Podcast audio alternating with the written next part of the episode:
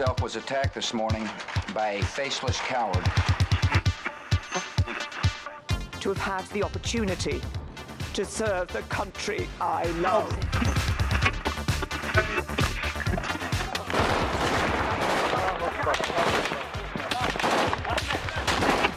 Den Einsatz für Frieden und Freiheit in Deutschland, in Europa und in der Welt.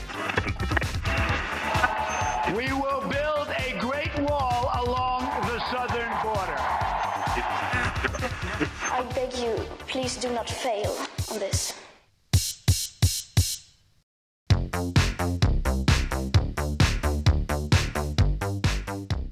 Góðan dag kæru hlustendur þið eru að hlusta á 13. þáttin af heimskviðum. Ég heiti Guðmundur Björn Þorbjörnsson. Og ég heiti Birta Björnsdóttir. Í heimskviðum er fjallað um það sem gerist ekki á Íslandi. Í dag komum við víða við að vanda, nánar tiltekið í Japan, Suður Afriku og Þýskalandi. Heimskviður heilsa, förstu daginn 8. november 2019.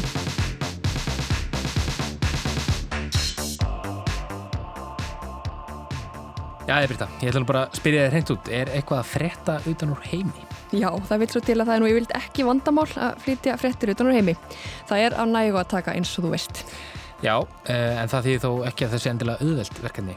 Nei, því að þetta kannski snýst meira um að velja og velja og hafna. Það er svona erfitt að ofta velja efni til umfjöllunar. Í síðustu viku þá fjöldluðum við til að mynda um Brexit og svo fallin leiðtó Íslamska ríkisins. En í dag ætlum við að fara í allt aðra ráttir þegar ekki.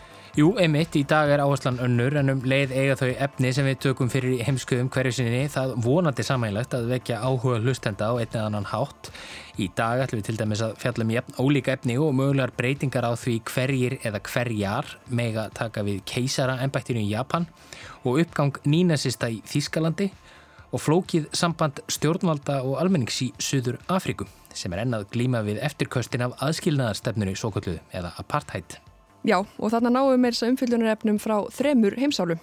En við ætlum að byrja á þessu sem þú nefndir síðast guðmundur. Því fyrir nokkrum árum var Suður Afrika stærsta efnahagsveldi Afriku og fánaberi mannréttin dálýðræðis. Þessa stöðu hefur landið mist vegna óstjórnar og spillingar.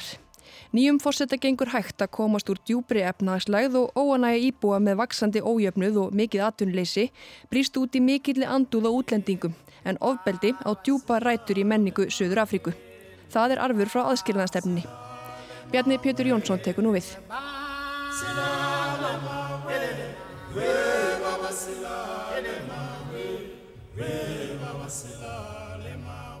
Suður Afríku hefur verið líst sem vita síðst í Afríku, fánabera mannréttinda og líðræðis og pólitískri miðju álfunar. Landi var eitt sinn stærsta efnahagsveldi Afríku en hefur síðustu ár mistnær alla þessa tilla og gengur ítla að grafa sig úr viðjum spillingar, óstjórnar og ábeldismenningar apartheidtímans. Þá þarf að gjör bylta þjóðfélaginu til að koma því á réttan kjöl á ný. En þetta tekur tíma og nýjum fórsetta Cyril Ramaphosa sem tók við af Jakobi Zuma í fyrra sækist verkið seint.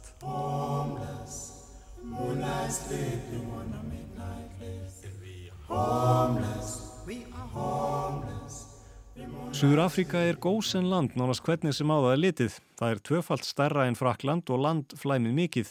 Gull og eðalmálmar hafa lengi staðið undir meira en helmingi af útflutningi landsins og þar er víða gott ræktarland en mikill skortur á vatni setur þar stryk í reikningin.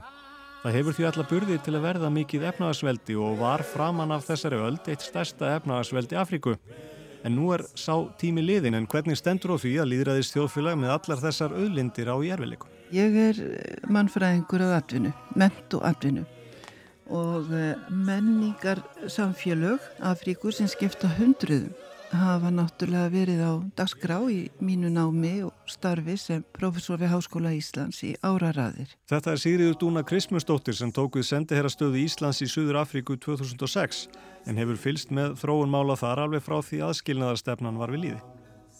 Sér svið mitt hefur verið mannfræði stjórnmála og það kom því fljótt til að ég fór að fylgjast með Suður Afríku vegna, ekki bara vegna þess að það eru, eru hérna, merkilegar menningar heldir, heldur vegna þess að Suður Afríka er leiðandi í stjórnmálum sunnan Sahara. Ríkið hefur þess að einhverja fínustu stjórnarskrá í heimi Hún er upp á þó nokkuð marga blaðsíður og hveður á um fjölflokka líðræði að vesturrætni fyrirmynd. En það hefur nú ekki tekist að koma því á vegna þess eins og gerist víða í Afríku að þá eru gamlu ansbyrnu reyfingarnar sem börðust fyrir sjálfstæði sinna landa.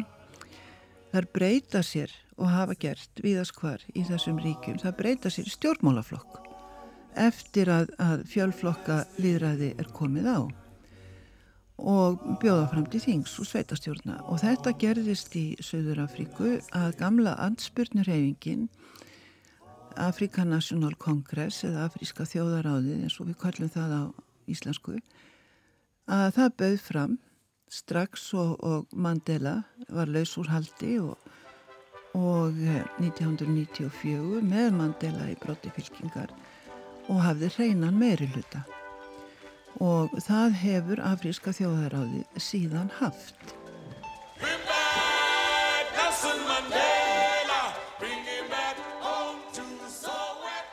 Það þýðvís lítið að fjalla um Suður Afríku án þess að nefna frelsis hetjuna Nelson Mandela.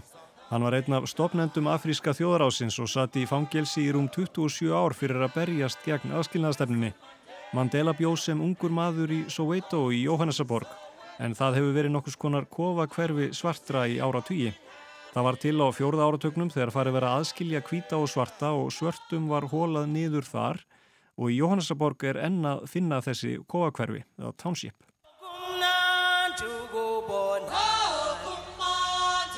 Suðurafíski grínistinn Trevor Noah líst í uppvexti sínum í Soweto í bókinni Glæpur við fæðingu sem kom út 2016. Það lýstir hann þeirri skjálfilegu helfur sem aðskilnaðastefnan var og tilveru sinni sem eins og margara annara var í raun glæpur og því fór hann huldu höfðið sem barð því hann mátt ekki sjást ofinbörlega með fólöldum sínum að því að þeir voru ekki báðir dökkir og hörund. Svo staðrindaði ólst upp í heimi hvenna var engin tilviljun.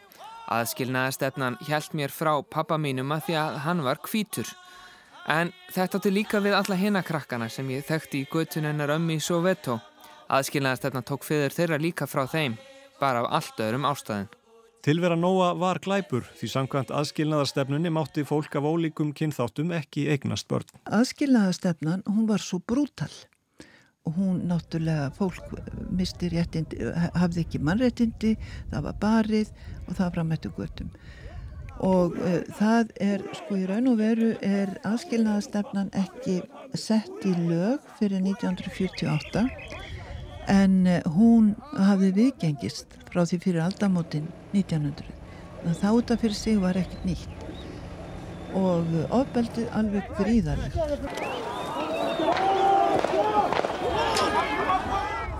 Heil öld af ólýsanlegu ofbeldi og hardræði en aðskilnaðarstefnan var ekki afnuminn fyrir 1994 og Mandela er fyrsti fórsettin verði það 1994 Hann segir af sér sökum aldurs 1999 og það eru margar heimildi fyrir því að hann hafi óskað sér að eh, Cyril Ramaphosa, núverandi fórseti í Suður-Afríku, tæki við af sér.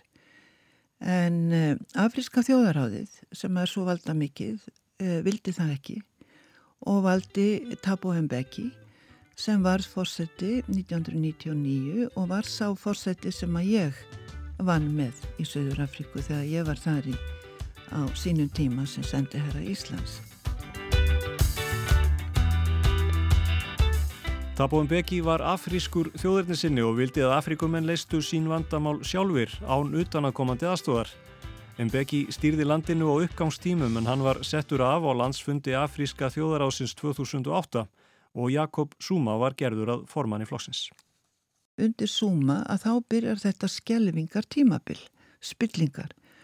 Hann og hans kumpánar, guftabræðurnir og fleiri, að þeir reynlega reynsa út úr uh, helstu stofnunum ríkisins, fyrirtækjónum, mikið ríkisfyrirtækjum í Suður Afríku eins og Eskom sem er, er framleiðir uh, ramagn, gengur það mjög illa það var alltaf, alltaf hérna ramagsleysi annarslægið og þannig að þessir að Suma og hans vinnir þeir reynsa auðin burt úr, suður, úr stopnunum og fyrirtækjum Suður Afríku og Suma hefur völd til þess að setja sína menn yfir þessar stopnarnir yfirleitt óhæfa. Og það var bara uh, þróun loðbeint niður á við. Well, good evening, colleagues, members of the media present here, fellow South Africans. Suma var nöðbegður til að segja af sér í fyrra vegna ásakana um spillingu.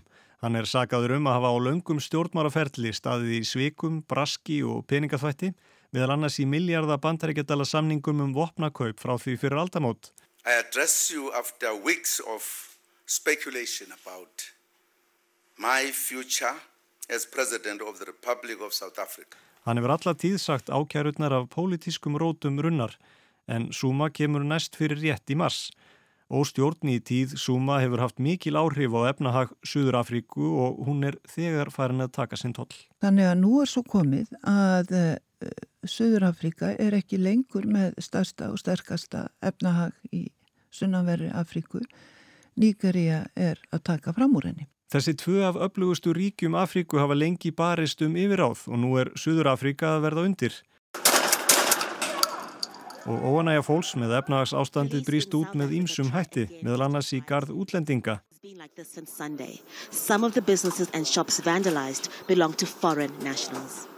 Andúð gegn útlendingum hefur vaksið hratt síðustu mánuði og misseri og talið er að týjir hafi látið lífið í blóðugum, óerðum og árásum á vestlanir og íbúðir innflytjenda í Jóhannesaborg. Það er ögur stund í Suður Afríku. Það er þessi vaksandi andúð á útlendingum og það er, það er ræðilegu ofbeldisöldur sem ganga yfir landið af þeim sökum og útlendingarnir eru aðalega aðrir Afríkubúar. Þetta er ekkit nýtt. Eh, þegar eh, Mugabe fór að, eh, þegar allt fór í bál og brand þar 2008, þá var ég í, upp í Zimbabwe, þá var ég í, í Suður Afríku og hundruð þúsunda sambefumanna streymdu yfir Búlavægi og Ána, það sem eru ekkit landamæra eftirleik, yfir til Suður Afríku. Og ofbeldið leik lausum loða, ég menna hús voru brend ofan að þessu fólki og það var sakað um að taka vinnuna og konurnar. Og e, nú er þetta bara að gerast einu sinni enn. Og þá skulum við átta okkur á því hvers vegna er svona erfitt að eiga við þetta. Og það er vegna þess að menningin í Suður Afríku er ofbeldismenning. Ofbeldi þykir sjálfsagt. Og það er stofnani ríkisins sem að eiga að vera til varnar gegn ofbeldi, þær eru vambúnar. Eh, þegar ég var í Suður Afríku að þá réðu, eh, réð lögreglan sér enga fyrirtæki, öryggisfyrirtæki til að gæta lögreglustafan. Hvað þá heldur annan? og það voru allir eins og náttúrulega sendi hér á allir sem vellingi gáttu valdið sem að höfðu örgisverði frá enga fyrirtækjum þetta mesta góðsennland örgiskjæslu í heiminu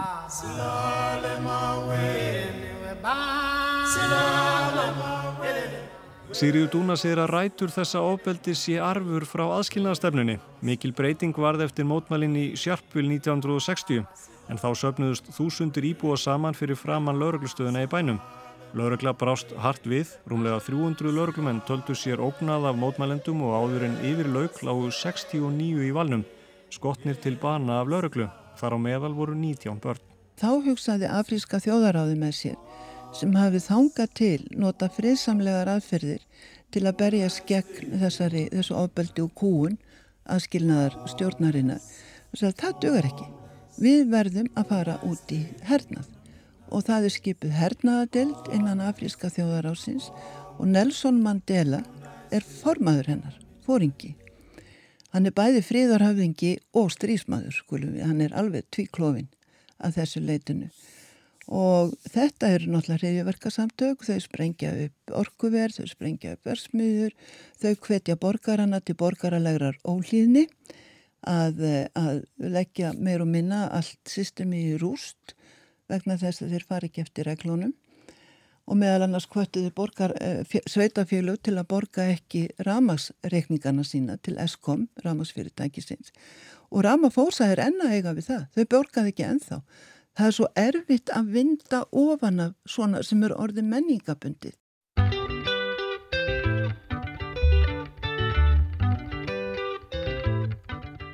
En Suður Afrika er líðræðistjóðfélag, nokkur yngra en Ísland en landið var líðveldi 1961. Afríska þjóðaráðið hefur haft meiri hluta á þingjunu frá fyrstu frjálsu kostningunum 1994. Í síðustu kostningum fekk það tæplega 58% atkvæða en næstæsti flokkurinn líðræðisbandalægið um 20%. Hvers vegna ætlaði að sé að fólk kjósi þennan flokk áfram þrátt fyrir efnagasástandið og spillinguna? Það er vegna þess að þetta er gamla ansbyrnur reyfingin, þetta er táknið fyrir frjálsa Suður Afríku og meiri hluti kjósenda hefur ekki kannski tækin og tólinn til að sjá að það eru aðrir möguleikar heldur en að kjósa afríska þjóðaráðið. Cyril Ramaphosa hefur nú verið við völd í rúmt ár en á þessu ári hefur ástandið í landinu vestnað. Þar mælist atvinnuleysi nú tæplega 30% og hefur ekki verið meira í rúman áratug og það er enn meira meðal úns fólks sem sé líklega ekki bjarta framtíð í Suður Afríku. En Ramaphosa gengur ítlað að styrkja innviðina. Ramasleysi er enn viðvarandi og vaskortur mikill. Í þessari viku fóru fréttamenn Breska ríkisútafsins millir Þorpa norður á borginni Port Elizabeth, síðst í Suður Afríku. Þar er nú mesti þurkur í manna minn.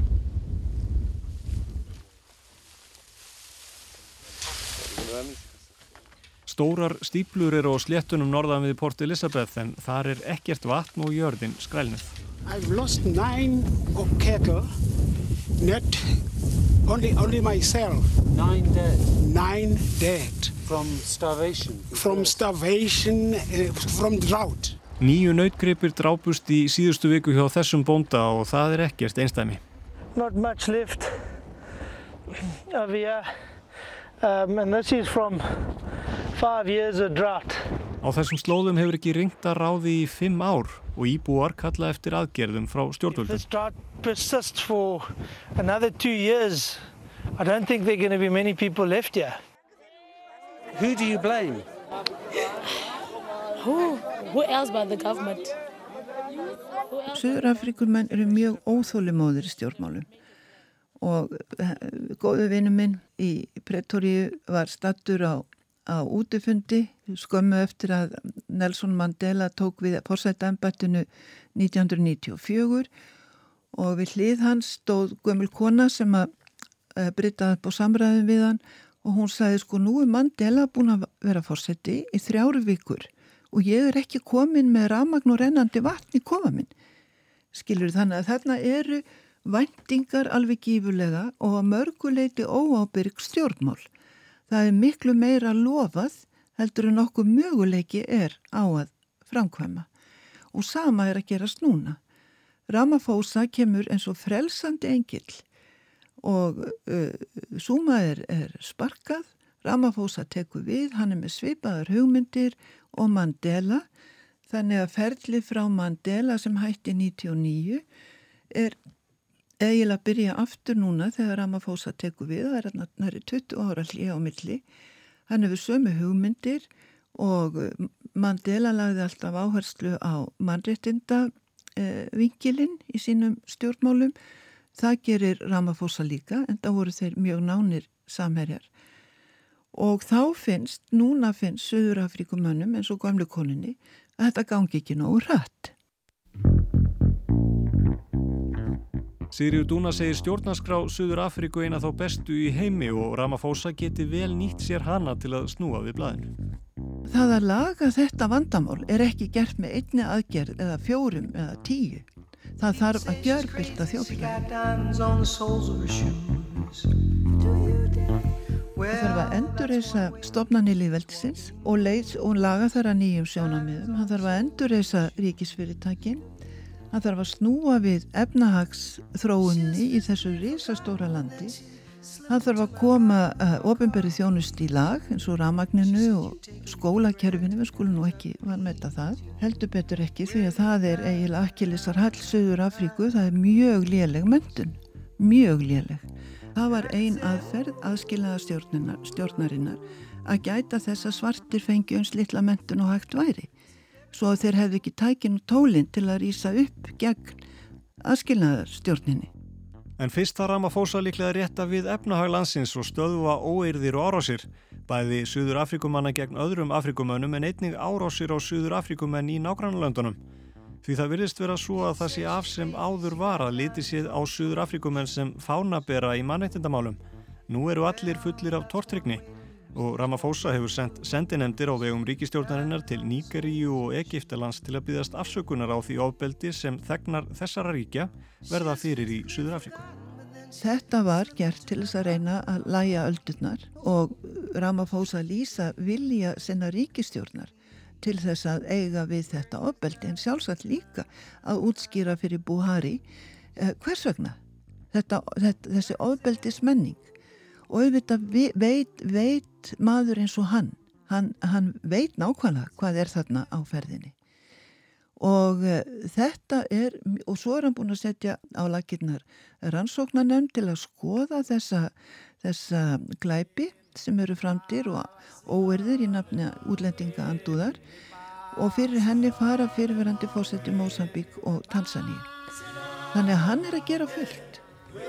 En þetta tekur tíma og uh, þrjár vikur er bara ekki nógu tími eins og hjá gamla kunni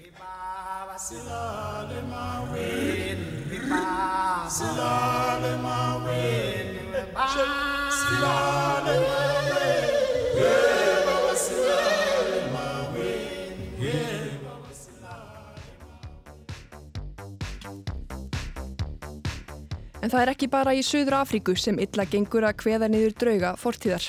Í síðustu viku lístu borgar yfirvöldi í þýsku borginni Dresden yfir neyðarástandi vegna uppgangs nínasista hópa í borginni. Nasista neyðarástand var það kallað. Öfgafullar þjóðurnisreifingar hafa sótt í sig veðrið í Þýskalandi síðustu ár.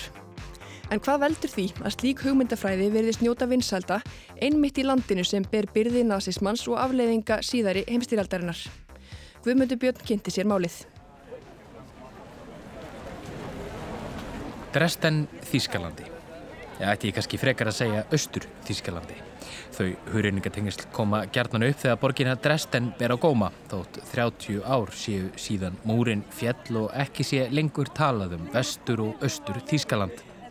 Borgin var eitt stærsta skotmark bandamanna í síðari heimstyrjöld en í sprengjaárásum bandarískra og breska hersins skömmu fyrir stríðslokk fjalli um 25.000 manns þar af fjölmennir almennir borgarar í borginni. RAF heavy bombers assist Marshal Conyers drive into the Reich. The target is Dresden. It was being used Frá sammenningu Þýskalands 1990 má með sanni segja að Dresden hafi öðlast endur nýjun lífdaga. Borgin er mikil menningarborg Það er einn af tíu stærstu háskólum Þýskalands og stendur borgin framalega í hverskins yðnaði, meðal annars nýsköpun í tækniðinaði.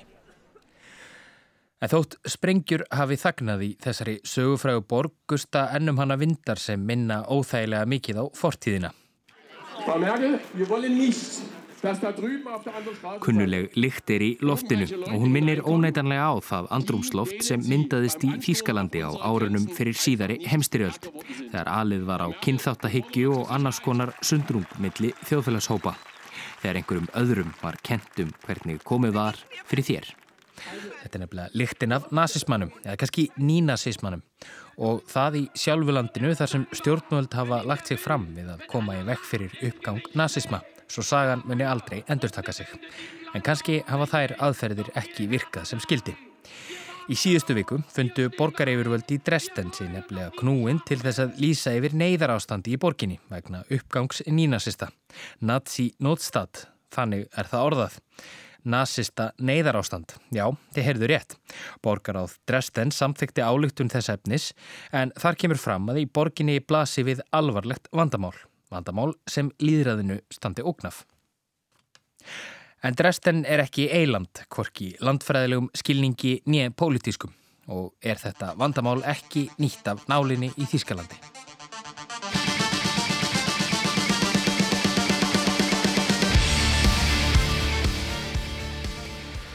Öfgafullir hærihópar hafa laungum átt vinsaldum að fagna í Dresden. Stemma á tíunda áratögnum í kjölfar þess að múrin fjell stopnuðu nínasistar í borginni til fjölmennra útisamkoma til að minnast þeirra þjóðverja sem létust þegar borgin var sprengt í tællur af bandamönnum í setja stríði. The day after the RAF strike at Dresden, B-17 bombers of the 8th United States Air Force gave the city a repeat performance. Skömmu fyrir aldamót tóku samkomurnar á sig skipulaðari blæ og urðu að árlegri hefð. Þar sem hundruð nínasista gengu fyltu liði um borgina.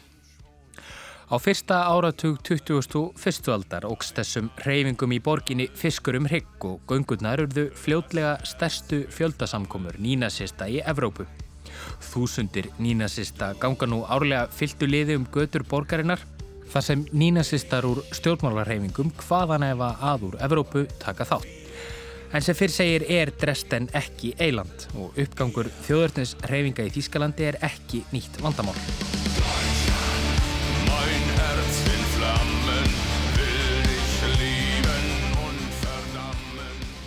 Hugtakið nínasismi hefur kannski nokkuð víða skýrskotun en vísar í grunninn í hugmyndafræði þeirra sem aðhyllast aukafulla þjóðverðnishyggju, kynþáttahyggju, útlendinga, andúð, fordóma gegn samkynniðum og öðrum minnirhutahópum og auðvitað antisemitisma eða gyningahattur, svo fátt eitt sé nefnt. Þessi stef eiga öll samhljóm með hugmyndafræði þeirrar svo kulluðu þjóðverðnis jafnaðarstefnu sem er í daglegu tali nefnd nazismi og lagði grunninn að þriðjaríkinu svo kallaða undir stjórn Adolfs Hitlers. Þá sögu og hvernig hún endaði þekkjum við flest og óþarfi að hafa mörg orðum hana hér. Talið er að yfir 11 miljónir manna hafi fallið í helfurinni á árunum 1941 til 1945 þar af yfir 6 miljónir gýninga. Eftir að þjóðverjar töpuðu stríðinu og almenningi urðu voðaverk nazistað fullu ljós átti þessi hugmyndafræði eðlimálsins samkvæmt undir höggað sækja í Þískalandi, sem og annar staðar. En hún dó ekki drottni sínum, því fer fjari.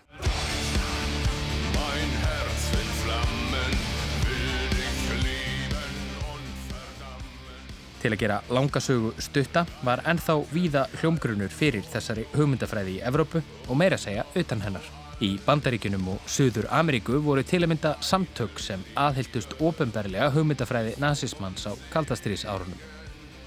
Það eru þessar fjölmörgu ólíku hreyfingar sem sameinlega eru kallaðar nínasistarhreyfingar og þær eru eins ólíkar og þær eru margar. Því þótt þær saminast um mörg stefnumál gamla nazistaflokksins eru önnur mál heldur á skjön Í þessu samhengi má nefna að allt frá 1993 til 2007 var í Rúslandi starfræktur stjórnmálaflokkur þjóðverðnis Bolsjevika sem eins og nafnið gefur til kynna aðhyllist hugmyndafræði nazismans en um leið Sovjetríkina sálugu, aðal óvinnar þriðaríkisins. Og síðustu ár hefur uppgangur nínasistarhefinga sem og annara þjóðurnispopulista fæst í vöxt í Þískalandi og helst það í hendur við síöknar vinsaldir stjórnmálaflokka sem hafa mál á stefnusgráni sem höfða til slíkra hefinga.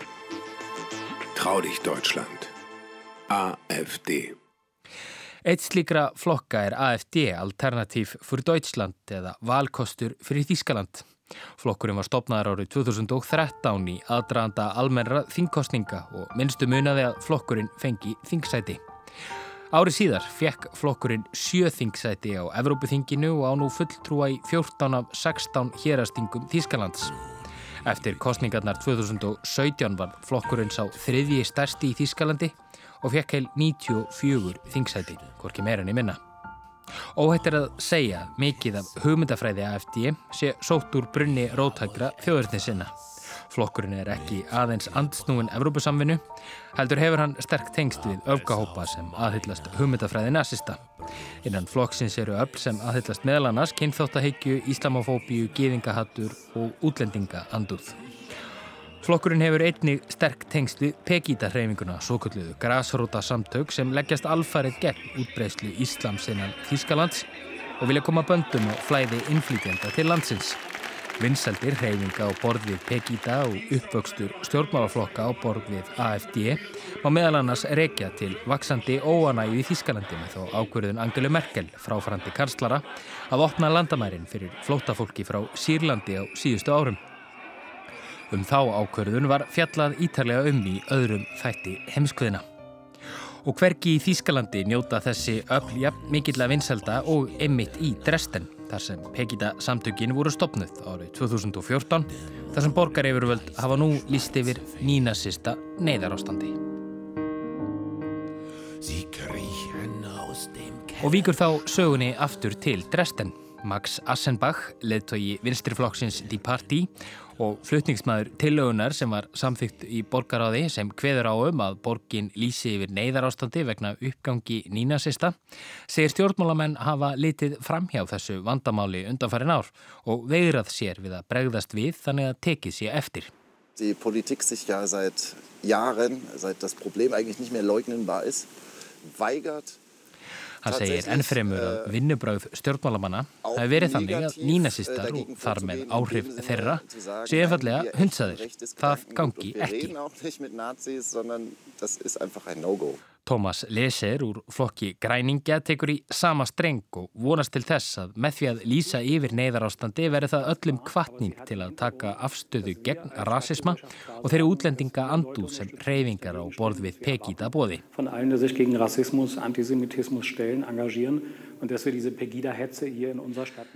Þessi dramatíska ákvörðun borgaráðs er því fyrst og fremst tákgræn en 39 fulltrúar greitu atkvæði með henni en 29 á móti. Meðal þeirra sem ekki greitu atkvæði með tillögunni var flokkur kristilegra demokrata, CDU, flokkur Angelu Merkel kanslara. Jan Donhauser, formaður CDU í Dresden, segir það að lýsa yfir neyðarástandi ógni friði og stöðuleika og geti virkað sem vatn á millu öfgahópa. Meiri hluti íbúa í Dresden sé kvorki nínasistar nýja andliðræðslegur. Það síðarnemda vísar í afstöðu kristilegra demokrata í málinu ekki byrjað okna stöðuleika með háflegum yfirlýsingum. Heldur að ræða hlutina yfirvegað. Etwas sehr unerwünschtes Undir það tekur Hans Jókim Bráns, flokksfélagi Donhausers í kristilega demokratafloknum. Þótt uppgangur nínasista í borginni sé óæskilegur, komi yfirlýsing borgarás ekki til með að læja neinar öldur. Wird mit diesem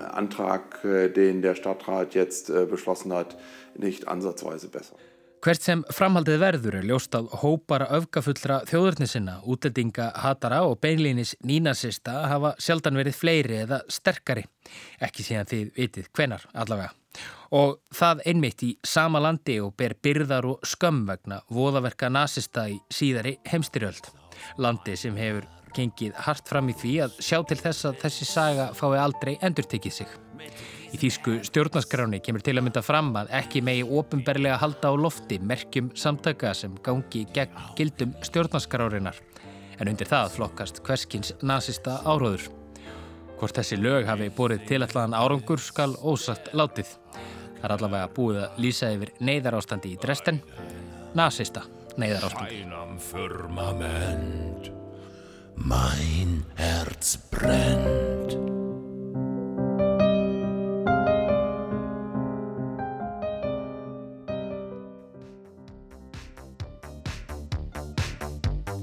Mikill þrýstingur er á stjórnvöldum í Japan að breyta lögum um keisarafjölskylduna þannig að keisaraembættið geti erfst bæði til karla og kvenna. Eins og staðan er í dag erfist embættið aðeins í beinan karllegg. Japanska þingið fjallar líklega um málið á næstunni og þá gæti dreyði til tíðinda. Dagni Hulda Erlendstóttir fjallar um þetta floknamál sem hefur varpað ljósi á stöðu kvenna í japansku samfélagi.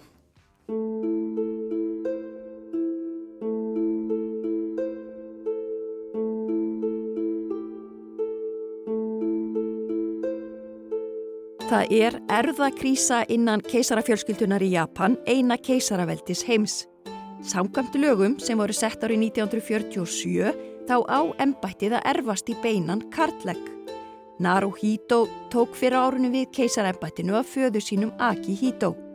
Hver að verður svo sem tekur við af Naruhito þegar það að kemur, það er alveg óljóst því að hann á eina dóttur, Aiko prinsessu og samkvæmt lögunum eins og þau eru núna þá getur hún ekki tekið við. Bróðir Naruhito, hann á einn svon og því eru alla líkur á því að hann taki við að óbreyttu.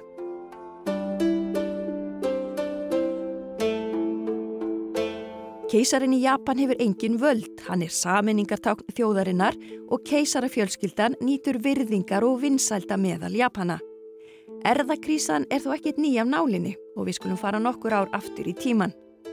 Akihito keisari sem leta af embætti fyrra á árinu eignast þrjú börn með eiginkonu sinni Michiko prinsessu. Þau eignust tvo sinni, sá eldri er Naruhito sem er núna keisari og sá yngri er Fumihito prins. Svo eignustu eina dóttur, Nóri prinsessu, sem reyndar tilherir keisarafjölskyldunni ekki formlega lengur af því hún er gift. En það er önnur saga.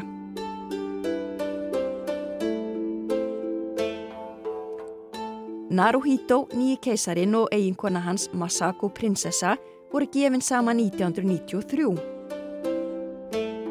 Þegar hjónin eignuðust Aiko prinsessu árið 2001 hófst mikil umræða í Japan um það hvort það ætti að breyta lögunum þannig að hún geti tekið við af föðu sínum.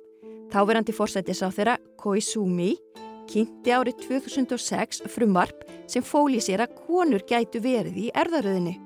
En svo gerðist það sama ár, áður en frumvarpið var samþygt, að Fumi Hito, yngri bróðir Naruhito, eignaðist svon, Hisahito prins.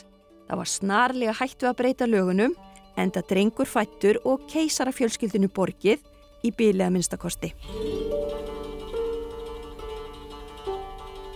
Það hefur verið mikið um dýrðir í Japan á árunni tilefnaði að nýr keisari tók við í byrjun mæ og reyfa tímabilið hófst. Reyfa þýðir fallegur samhljómur. Í oktober var Naruhito svo formlega krýndur keisari og mætti fjöldi þjóðhauðingja til Japans á hátíðahölda því tilefni.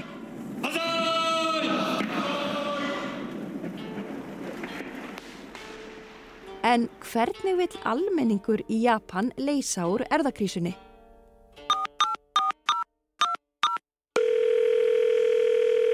Ég sló á þráðinn til gamallar vinkonu, Yuki Furukawa, sem býr í Tókjó og fylgist vel með gangi mála. Hún segir að síðan Naruhito keisari tók við og reyfa tímabili gekk í gard, hafi umræða og krafa um lagabreitingar blossað upp á ný.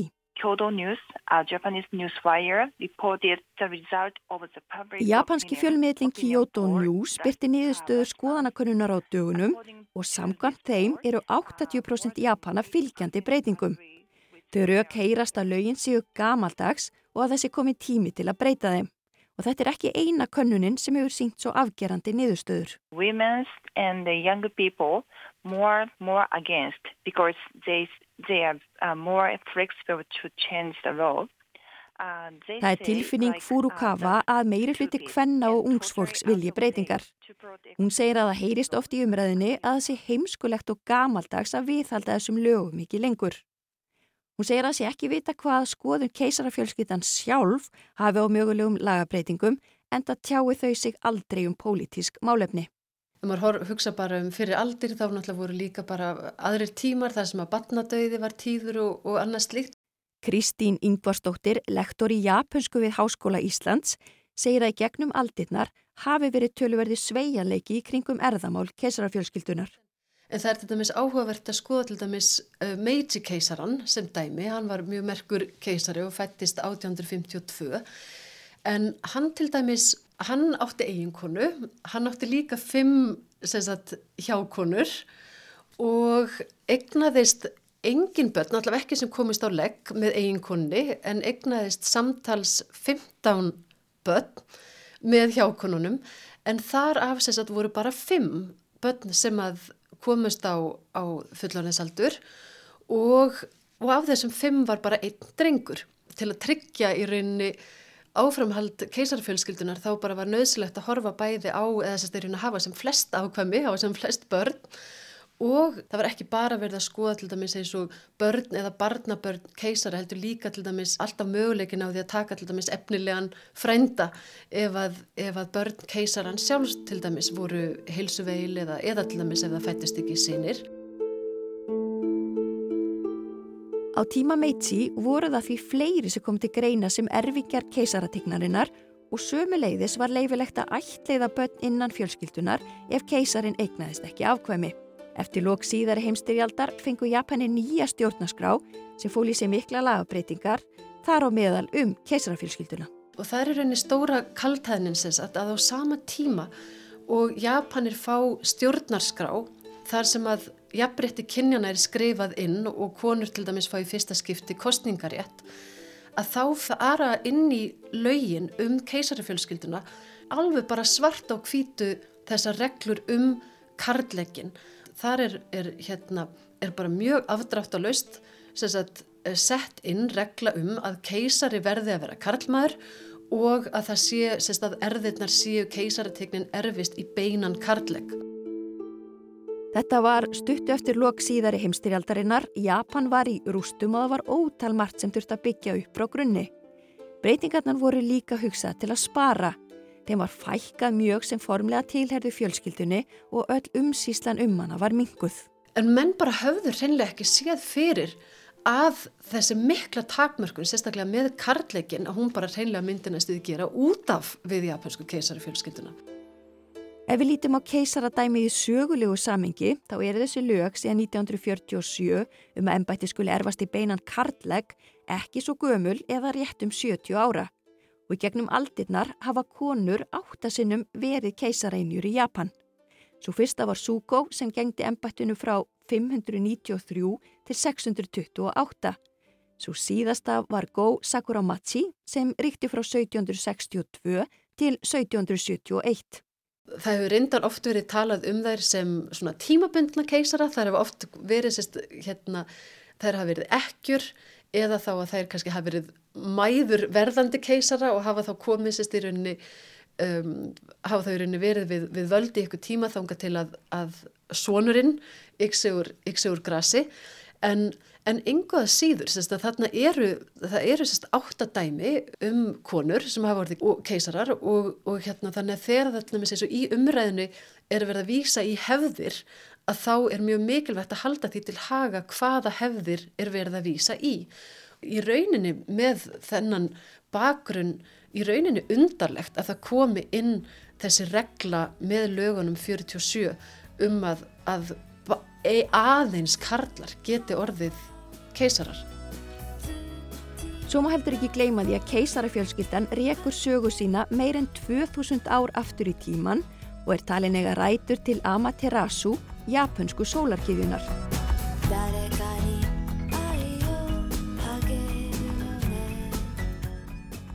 Konur eru 10% japanskra þingmanna en meðaltali á heimsvísu er 24% samkvæmt alþjóðabankanum. Hlutfalli í Japan er það lagsta meðal G20 ríkjana. Af 19 ráþörum í ríkistjórn Japans eru aðeins þrjár konur.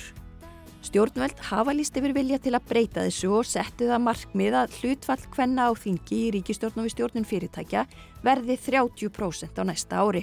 En er hægt að segja að núverandi lögum keisaraembættið endur spekli á einhvern nátt stöðu jafnbreytismála í Japan? Já og nei vegna þess að í rauninni sko, keisarafjölskyldan er náttúrulega ekki kannski alveg bara eins og hver önnu stopnun samfélagsins. Þannig að það er ekki alveg hægt að setja sama sem ekki á millið ykkur negin að, að það sem gildum stopnunir almennt gildi alveg bara sjálfkrafa fyrir keisarfjölskylduna líka. Hún ykkur negin umlíkur allar, hef, allar helstu hefðir og svona á að vera í eðli sínu svolítið gammaldags og formföst og, og allt það og ákvarðanir og umræða um sagt, keisarafjölskylduna er ofta öðrum forsendum heldur en kannski almenn umræða um til dæmis eins og þessu tilfelli jafnbreyttismál.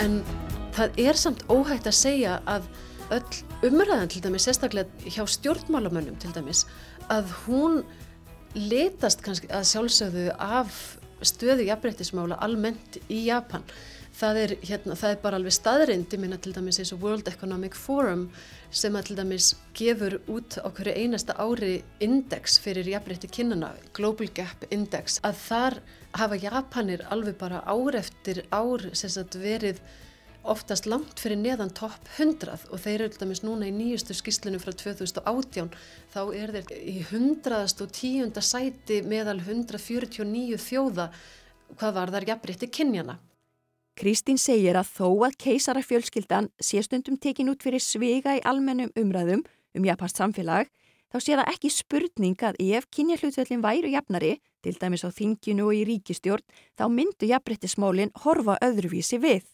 Stæsti stjórnmáluflokkur Japans er til dæmis í augnablíkinu heldur með í kringum 7% af sínum þingmannum sem eru konur og ég held að það sé alveg óhætt að draga þá álíktun að, að, hérna, að allavega umræðan væri öðruvísi og væri komin lengra ef að það væri jafnar að kynja hlutvall hjá þeim sem að eiga umræðuna.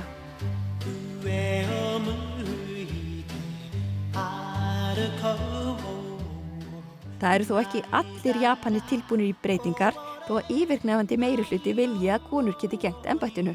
Hver eru rauk þeirra sem vilja ekki að ennbætti geti erstilt hvenna og hvað vilja þeir gera til að tryggja tilvist keisarafjölskyldunar?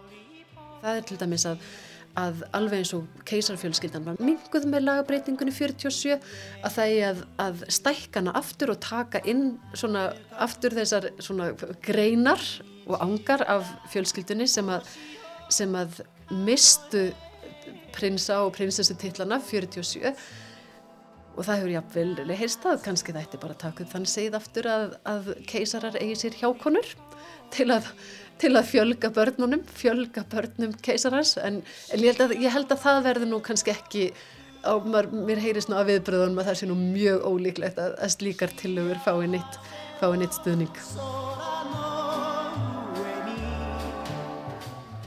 Það er óhætt að segja að Japan sé framarlega á mörgum sviðum. Við getum til dæmis nefnt tækni og almenna velmegun.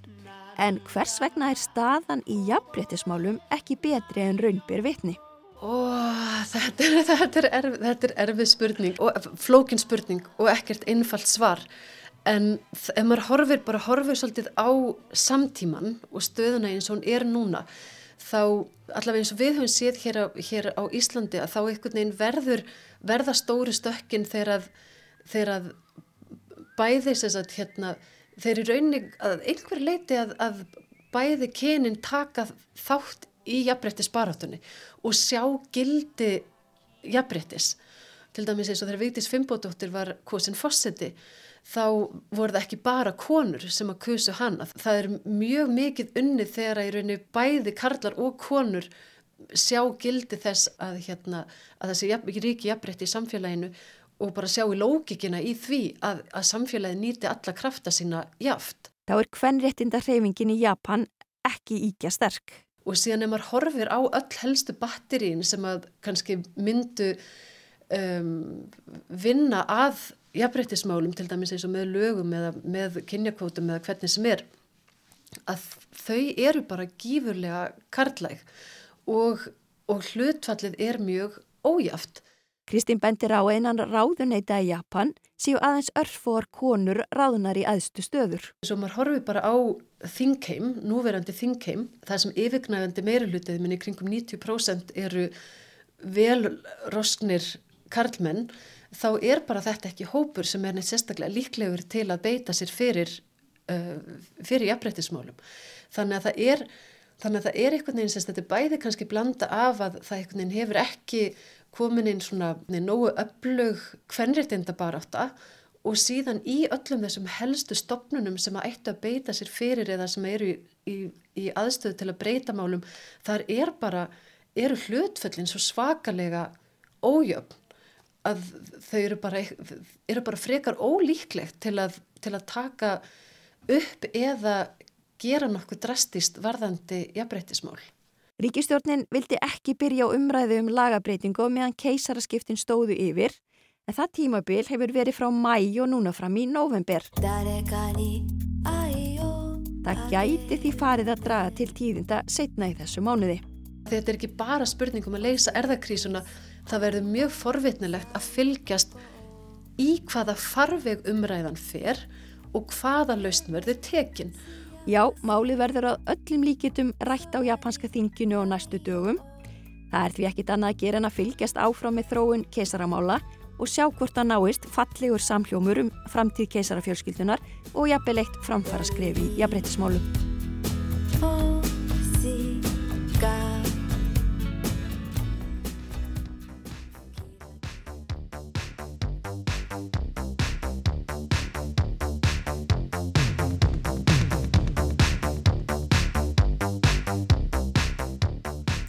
Heimskviður verð ekki fleiri þessa vikuna. Þátturinn er endurfluttur á lögöldaskvöldum á Rás 1 og er aðgengilegur á öllum helstu hlaðvarpsveitum. Og þá er líka hægt að hlusta á þáttin í Rúvappinu og í spilarunum á Rú.is. Og það er líka hægt að lesa ítarlegar fréttaskýringar um öll efni þáttarins. Við minnum sömulegðis á netfang þáttarins heimskviður at rúf.is. Einmitt, við viljum gerna heyra frá ykkur hlustendu góðir og hvaða efni þið viljið að verði skoðu ofan í kjölinn. Við þökkum þeim sem hlýtu og heyrumst í næstu viku.